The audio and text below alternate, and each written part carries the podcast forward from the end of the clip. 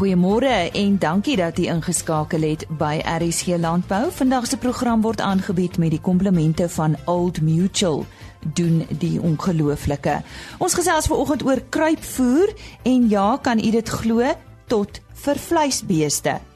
In vitro bevrugting van buffels is Henny Maas en sy gas se onderwerp van bespreking die wolmark verslag soos altyd op 'n dinsdagoggend en dan het ons by Alpha by die feeskou met 'n Nigeriër gesels en ons sluit vandag se program af met 'n gesprek wat Koos de Pisani gehad het met Johannes Moller by die Agri Noord-Kaap Kongres. Die gebruik van kruipvoer by jong diere is waarskynlik een van die mees ekonomiese maar ook van een van die mees onderskatte praktyke in ons veebedryf. Nou ek gesels vanoggend met Yuri Nudee, hy's natuurlik die produksiebestuurder eksentiewe herkouers by die JUS Suid-Afrika. Yuri, ja, verduidelik eers vir ons wat presies is kruipvoer? So kruipvoer verwys basies na 'n stelsel waar voer in kruiphokke aan jong diere wat nou lammers of kalvers is voorsien word. En die kruiphok is basies 'n voerbak wat omring word deur kruiphekke om 'n kampie te vorm waar slegs die jong diere kan ingaan en nie die ooe of die koeie nie. Watter voordele hou die gebruik van kruipvoer dan in? Wel, eerstens, dit beskerm die lammers teen die kompetisie van die sterker en die groter volwasse diere en dit gee hulle die geleentheid om die voerbak uit te kom. Die voer word gewoonlik beperkend uitgesit en die sterker en dominante diere in die geval van die volwasse diere kry altyd eerste toegang en die meeste kos terwyl die kleiner en swakker diere in die geval die lammers of die kalvers agter die tou staan en bykans nooit van die voer kry nie. Die effek hiervan is dat jong diere met kruipvoer meer vaste voedingsstowwe vinniger inkry wat hulle help om rumen vinniger te ontwikkel. Nou julle sê kruipvoer bevorder vinniger rumenontwikkeling by diere. Hoekom is dit nou juis voordelig? Herkou het vier pense waarvan die groot pens of die rumen die grootste is. En basies as 'n fermentasietank beskryf kan word waar voedingsstowwe en spesifiek rifoer of veld verteer word deur mikrobes. Nou hierdie pens is echt baie bitter klein met geboorte en ontwikkel soos wat die dier ouer word tot op punt waar dit in volle rifoer of kragvoer kan benut. Nou vinniger die rumen ontwikkel, hoe vinniger kan jong diere begin wy en 'n vermoë om weiding en kragvoer te benut word lewenslank bevorder deur die kruipvoer. En dit haal ook die druk van die moeders af wat dan vinniger na geboorte kan herstel om weer dragtig te raak. Nou kom ons vergelyk die twee diere, die een wat dit kry en die ander een wat dit nie kry nie. Hoe vergelyk dit ekonomies? Want dit is ongelooflik. Jy weet, ons moniteer nou al 'n wyle lank data van ons voerkralle. Eh uh, in terme van die groei in die voerkraal van verskillende verskaffers. Nou, in die eerste plek, 'n lam byvoorbeeld wat kruipvoer ontvang het, groei tussen 15 en 20% beter as lammers wat dit nie gehad het nie. En daardie lammers sukkel ook nie met aanpassing nie.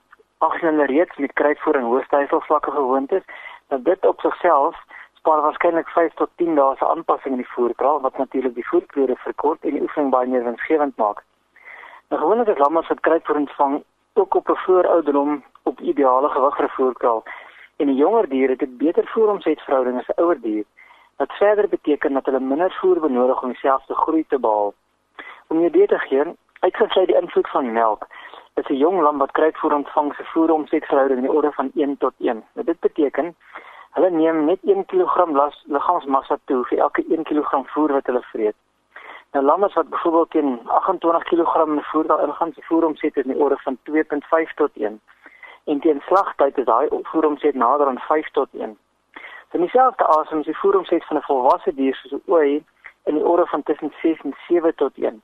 So dit dis natuurlik is baie meer ek kan van kruipvoer in lam of 'n kalf te gee met 'n voer omset verhouding van 1 tot 1 as om koeie kos te gee teen 7 tot 1 wat dan melk produseer vir die jong dier. Dit is glad nie ongewoon vir lammers om direk vanaf kruipvoer geslag te word nie. Ons het verskeie kliënte wat lammers op kruipvoer speen op 'n gewig van 40 tot 42 kg op ouderdom van 8 tot 10 weke. Nou kruipvoer het 'n impak op herbesetting by oeye en koeie. Waarom is dit so? En een van die deurslaggewende faktore vir herbesetting is die kondisie van die vroulike dier. Maar diere se besetting is aansienlik swakker as diere wat in 'n goeie kondisie is. Nou lakterende diere sal altyd ten koste van hulself melk produseer om hulle lammers of hulle kalvers te voorsien. Nou deur kruipvoer te gee word word daar baie druk van die moeders afgehaal in terme van melkproduksie en hulle kan baie vinniger herstel in kondisie wat dan 'n groot impak op herbesetting het. Gewoonlik word diere waar kruipvoer gebruik is ook vroeër gespeen wat ook meer tyd gee vir herstel vir die moeders ehm um, vir kondisie voor dekheid. En dit is veral krities in versnelde stelsels waar mens uh, vinniger die die die die oeye by die ramme probeer uitkry. Vleisbeeste kan kruipvoer ook vir hulle gebruik word? Dis dit is glad nie algemene praktyk nie. Ek dink die meeste boere sal my snaaks aanmoedig as so 'n voorstel maak, nee, maar dit werk vreeslik goed. Dit ons het tydens die droogte in, in Noordwes in 2014 het ons proewe daarop gedoen op twee groepe koeie en aan die een groep ons kruipvoer gegee aan die kalvers om die druk van die koeie af te haal en te toets of dit ekonomies is. En daardie kalvers was na 126 dae se kruipvoer, dit was 105 kg swaarder as die groep wat nie kruipvoer ontvang het nie. Die koeie wat die kalvers kruipvoer gehad het, was in die middel van 'n droogte op 'n kondisiepunt van omtrent 3.5 uit 5 in April met seën, terwyl die kontrolegroep se kondisie kondisiepunt 1.5 uit 5 was. Die kruipvoer groep is gespeen op 6 maande en die koeie is herbeset teen 90% besettingssyfer, maar die kontrolegroep kon ons nie die kalvers speen nie en die koeie het letterlik 'n jaar oorgeslaan. Ek dink die mooi van dit, die ekonomie van daai kruipvoer wat in 2014 gedoen is, was 'n addisionele inkomste van R2011 per kalf en dit teen 'n kruipvoerkoste van in die orde van R390 per kalf. En dit gee 'n opbrengs op belegging van in die orde van 4 tot 1. En terselfdertyd as daai koeie 90% beset. En dit toe as die kalverprys maar die orde van R19 per kilogram vandag se kalverprys daai opbrengs op kapitaal in die orde van 9 tot 1. So dit is 'n baie ekonomiese praktyk vir kommersiële kuddes. Nou aan die einde van die dag is speengewig en besettingssyfers baie belangrik. Hoe word dit dan bepaal? Nou ek ek wil graag 'n derde faktor daar bybring en dis die ouderdom waarop gespeen word. Weet hoe vroeër die diere gespeen kan word, hoe beter vir die moeders en hoe meer ekonomies word die gespeende diere gevoer wat moontlik is met kruipvoer. Nou besettingssyfer is basies die persentasie van vroulike diere wat dragtig geskandeer is teenoor die aantal dierlike vroue wat gedek is tydens normale dektyd. Nou kruipvoer het 'n baie groot invloed daarop as gevolg van die effek van die kondisie op die vroulike diere. En die lekkerste daarvan is dat hierdie kruipvoer ook nog baie ekonomies gedoen kan word met die addisionele inkomste wat dit genereer. Hierdie as iemand met jou wil gesels, uh, is hulle welkom om jou te skakel as jy dalk uh, jou e-posadres of uh, selfoonnommer vir ons kan gee asseblief. Ja, ek dink die maklikste is, is waarskynlik die e-pos, my e-pos is jnod@ds.com. Dit was dan Yuri Nudee, die produkbestuurder, ekstensiewe herkouers by die JUS Suid-Afrika. En nou oor na Henny Maas. Ons uh, gaan nou gesels uh, oor 'n interessante uh, prosedure wat plaasgevind het. Dit is 'n uh, in vitro bevrugte kalf wat gebore is. Ons het hier by die mikrofoon vir dokter Mornay Delaray. Hy is die veearts en bestuurende direkteur van Embryo Plus. Hy was verantwoordelik vir hierdie uh, bevrugtingsprosedure van die Afrika buffelkalf Pumelelo. Uh, vertel ons die storie hoe dit uh, alles begin, Mornay. Ja, nee, ons het eh, 'n uh, lang op tog tot dit gehad. Ehm um, hoofsaaklik is my gedagte is om bedreigde spesies te beskerm en en een van die maniere waarmee mense dit kan doen is om hulle getalle te vermeerder met behulp van embrio's en in vitro bevrugting. En uh, in gesprekke met Dr. Hendrik Hansen en Frans Stapelberg het ons gesê wel kom ons begin met die buffels omdat hulle beskikbaar is en ons kan hulle dan nou gebruik en uh, sodoende het die die tegnieke ontwikkel. Ons het eers kunsmatige inseminasie op hulle gedoen. Ons het sinkronisasie reg gekry. En toe later het ons toe nou die in vitro bevrugting ook op hulle reg gekry. Dit was maar 'n 3 jaar proses wat 'n ou deurgegaan het en weer en weer probeer het in verskillende media verskillende groei kurwes in die laboratoriums wat 'n ou moes gebruik het. En en sodoende dit uitgewerk en en sien daar daar's toe Pumelelo gebore En en die uiteindelike doel van die projek, wat is dit? Wel, hoofsaaklik my doel is kom weer terug by die bedreigde spesies wat ons wil red. En uh, elke spesies wat 'n mens uitwerk en die sien hoe werk die media en hoe werk die groei en die maturasie en die kultuur en die bevrugting, uh sit 'n mens gee mens meer inligting oor ander spesies net uit buffels uit as 'n as 'n mens dink aan die uh, soos die Engelse praat van die forest buffalo of die woud buffel in in sentraal-Afrika waarvan nou net 'n paar honderd oor is kan 'n mens nou byvoorbeeld embrio's uit hulle uitspoel en uh, of eierselle uit hulle uit kollekteer en dit bevrug en dit oorplaas in dan in die Afrika buffel en so hulle getalle vermeerder. Maar so is daar dieselfde as daar baie ander spesies wat uh, ou graag sal op wil werk die bongo en die reuse um reuse swartwit pens in Angola en dan my groot projek op hierdie stadium is dan nou die renosters of die noordelike wit renoster waarvan daar net 3 oor is in die wêreld. Uh, ek dink mense sal nou die vraag vra, dit die, die buffel is so in 'n sekere sin verwant aan 'n aan 'n gewone bees. Sou die prosedure anders moet wees uh, byvoorbeeld by die renoster? Okay, die die die enigste ding wat die buffel en die bees ooreenstem met mekaar is die die die die sonde wat mense gebruik of ook die probe wat mense in die vagina indruk van die van die koe is die, is dieselfde, maar verder stem hulle glad nie ooreen nie. Met die renoster is dit totaal en al dramaties anders want uh, ewe skielik werk jy 1.2 1.3 meter diep in die renoster. So ek die prosedure is verskriklik anders ter ek bou my eie saam jy's nogal saam met Frans Stapelberg bou ons hierdie uh, arms wat 'n mens dan met behulp van bore en uh skaniere en alles binne in die renoster dan meganies beweeg om sodoende by die eierstokke en dan ook by die eierselle uit te kom.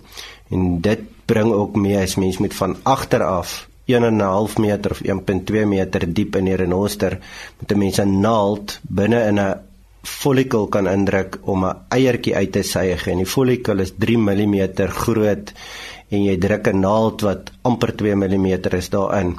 As jy nou net kan dink elke keer as jy 'n renoster asemhaal, dan beweeg die hele renoster se karkas met 20 cm. So dit is nogal redelik uitdagend. Nou, hoe ver staan julle met die projek? Ag, ons is so absoluut absoluut met baie genade op die ehm um, op die rand van sukses. Ons het laas maand het ons ons eerste eierselle geaspireer uit 'n lewendige renoster uit. So so 2 jaar terug het ons al ons eerste eierselle begin kweek uit ehm um, geskiet of dooie renosters wat ons dan nou so kollekteer en uh, maar nou verlede maand het ons dan nou die eerste aspirasies gedoen. Ons gaan nogal toevallig die 5de September dan doen ons dan weer 'n projek wat ons weer dit gaan doen en sodoende elke 3 weke. En uh, ons sit hier in Suid-Afrika met die voordeel dat ons relatief tot die res van die wêreld baie renosters het en verskriklik baie gewillige boere om deel te hê aan so 'n projek van renosterbewaring en dit is nogal fantasties. So is dis absoluut is, is binne die volgende jaar of twee behoort ons dragtighede te hê dan nou so van van renosters. Ons projek is eers die suidelike wit renoster en om dit dan te vervolmaak en dan later oor te plaas ehm um, op die oor te gaan na Kenia toe met die noordelike wit renoster daar te werk en dan die suidelike witrenoster as draers dan te gebruik vir die embriootjies van die noordelike witrenoster. Ek ek neem aan daar's nogal belangstelling veral seker uit die buiteland vir hierdie prosedures. Daar's ongelooflike ongelooflike belangstelling uit uit die buiteland uit. Ehm um, San Diego Dieretuin ehm um, het uh, my gekontak dat ons samewerking moet hê met hulle en hulle het verlede jaar in Augustus se span uitgestuur Suid-Afrika toe ek het hulle in in San Diego gaan help om renosters te skandeer en dragtigheidsondersoeke te doen en my tegnieke vir hulle daar te wys. Hulle kom bring dan weer 'n span in November uit. So so dit um, is baie baie gewild in die wêreld. Daar's wel wel 'n probleem met dit alles is dis baie meer karismaties 'n 'n dooie renoster of 'n renoster wat se neus afgesny is en of traumaties dalk kan ek dit so sê en eh, en en dit raak mense baie. Dieselfde met ehm um, wees kallertjies, al die renoster kalfies wat melk nodig het en dis emosioneel tasbaar en die mense voel deel daarvan. Ehm um, as ek vir mense vertel o, ek doen in vitro bevrugting op renosters, dan kan jy daai dowwe uitdrukking uit hulle op hulle gesigte sien en hulle hulle kyk jou net so en dan sê mm of o, dis interessant en dan mm, hulle weet nie verder nie. Ja, dan gaan die gesprek in 'n heel ander rigting want uh, so jy jy kry nie mense om om uh geld te skenk as 'n voorbeeld of om hmm. om regtig betrokke te raak nie en die in die renoster boer. Hy's betrokke maar hy gee klaar sy half miljoen rand se renoster gee hy vir die pro projek. So jy kan nie vir hom nou nog vir vir geld of vir uh 'n skenking of iets vra nie. En um, party van die maatskappye Esco uh laboratoriums is is veral betrokke en hulle het hulle 'n uh, uh, inkubeerder geskenk vir vir Amerika vir ons werk dan in in in Kenia later. So ons het het ouens wat wel met hou saamwerk, maar daar's nie hierdie geweldige dinamiese ding. Emosionele ding. Nee, glad nie. Nou baie dankie dokter Mornay de la Rey.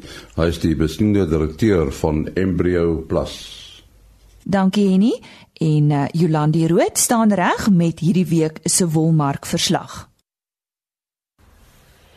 Die gemiddelde skoonwolpryse vir die seleksie binne die verskillende mikronkategorieë goeie langkamwol tipes was soos volg: 18,0 mikron styg met 1,7% en sluit teen R207.84 per kilogram. 18,5 mikron neem af met 2,2% en sluit teen R201.82 per kilogram. 19 mikron verlaag met 0,1% en sluit teen R188.26 per kilogram. 19,5 mikron verswak met 1,6% en sluit teen R176.75 per kilogram. 20 mikron is 2,5% af en sluit op R169.46 per kilogram. 20,5 mikron is 1,8% swakker en sluit op R165.13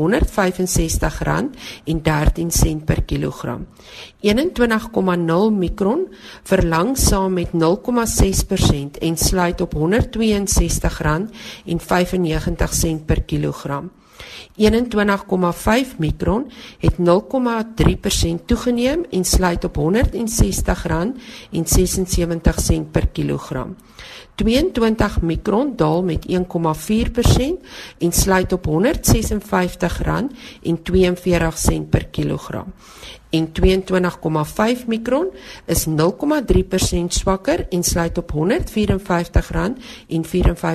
per kilogram. Die volgende veiling vind plaas op 20 September wanneer 8798 bale aangebied word. Die stem daar van Jolandi Rood. Soos beloof het ons ook hierdie week bydraes vanaf die African Livestock Expo wat daar by die Afridome in Parys plaasgevind het verlede week. Henny Maas het daar met 'n Nigeriër gesels. Uh, at the Alpha Expo, we're talking to Alio. Uh, Alio, you are from Nigeria. Yes, I'm from Nigeria. And why have you come to Alpha? Well, uh, I, I, knew Albert right from Nigeria, and I know that he's a first-class uh, livestock man. And I've been coming to. I was here for Nampo and all the agricultural show. And when he said that uh, they're going to organize a livestock show, I know that it's going to be top class. So that's why I'm here. And you're also a stock a stockman. Yes, I am. I am. And uh, with what kind of cattle do you farm? No, I don't do cattle. I do small ruminants. Do small ruminants, goats and uh, sheep. But we also have an abattoir. We run an abattoir, so we buy cattle as well. Mm. And uh, what you see here is quite interesting.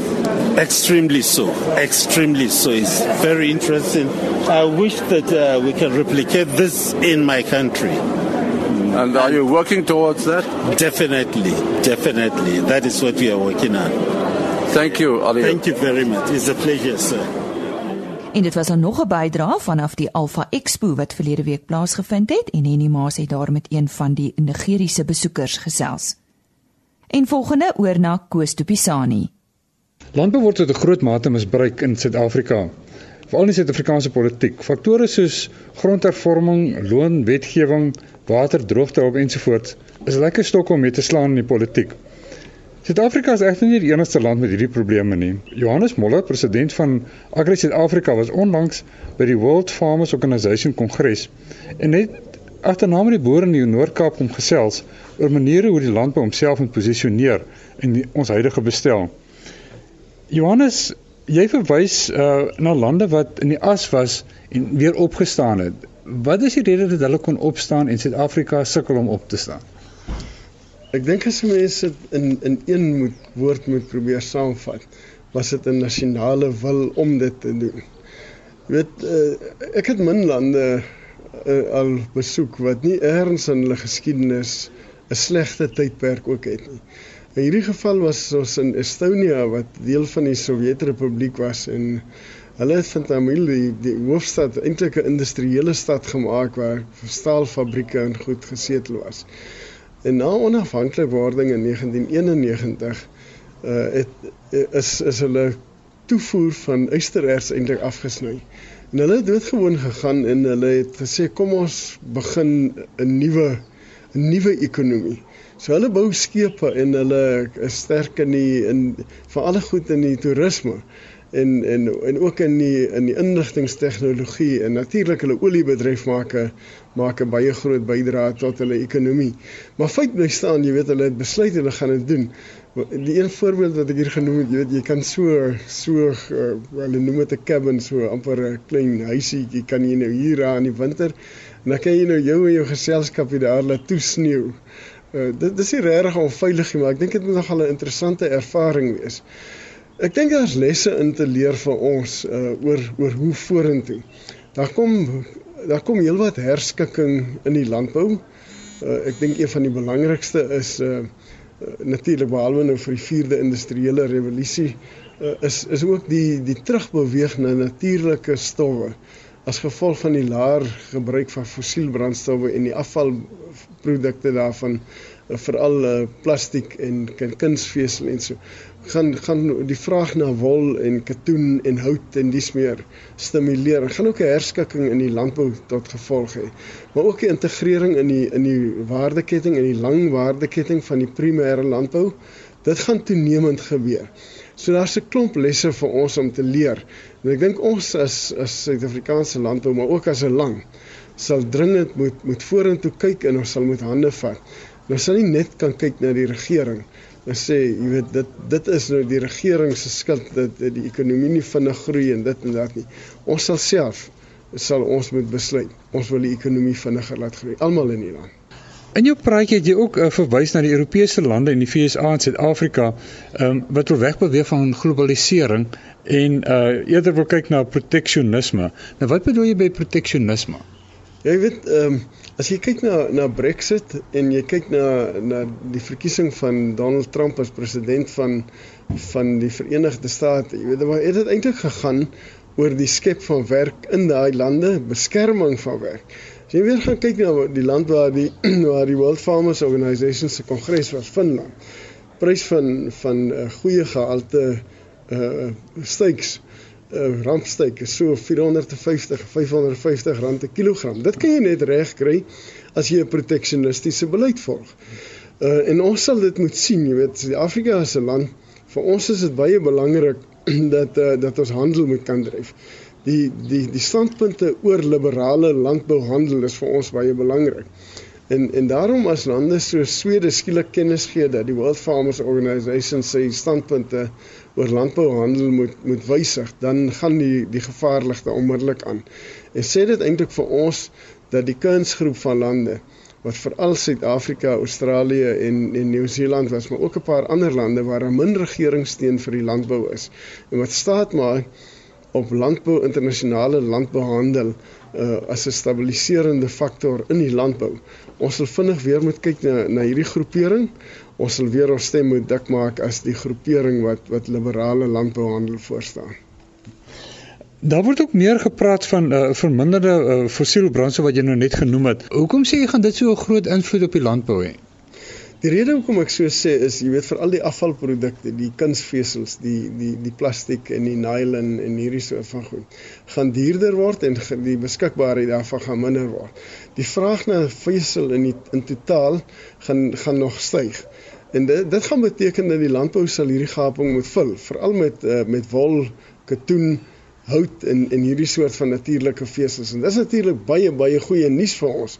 Maar dit gaan ook 'n herskikking in landbouproduksie tot gevolg hê.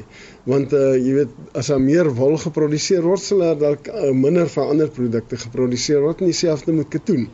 Uh, so so ek verwag dat daar gaan 'n bietjie herskikking van landbouproduksie plaasvind een van die groot kwessies uh, deesdae is maar grondhervorming. Daar word van boere verwag om grond weg te gee. Maar in jou praatjie het jy nogal redelik daarteen gepraat.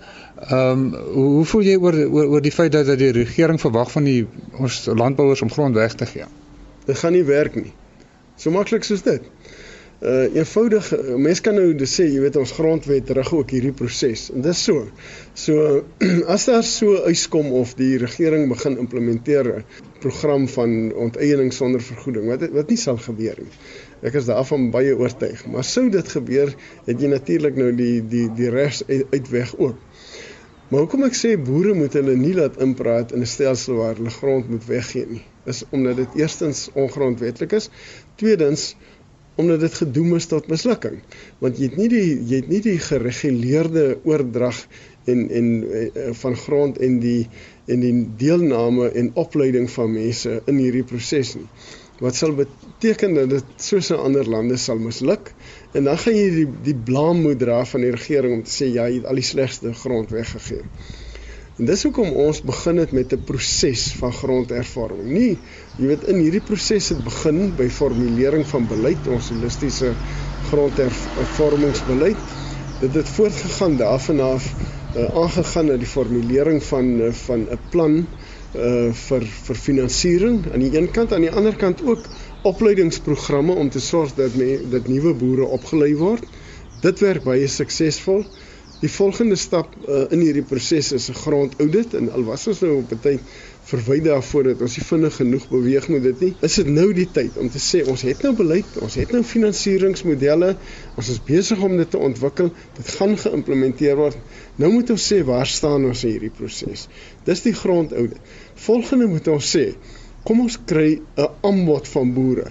Hoeveel boere en watter vlak is die belangstelling om deel te neem aan grondhervorming as 'n ekonomiese proses en ekonomiese beleid om kapitaal te ontsluit om die landbousektor te groei uh, om om uh, bepaalde uh, uh, entiteite soos familie ou familieplase ook te beskerm wat mense die dit graag wil doen.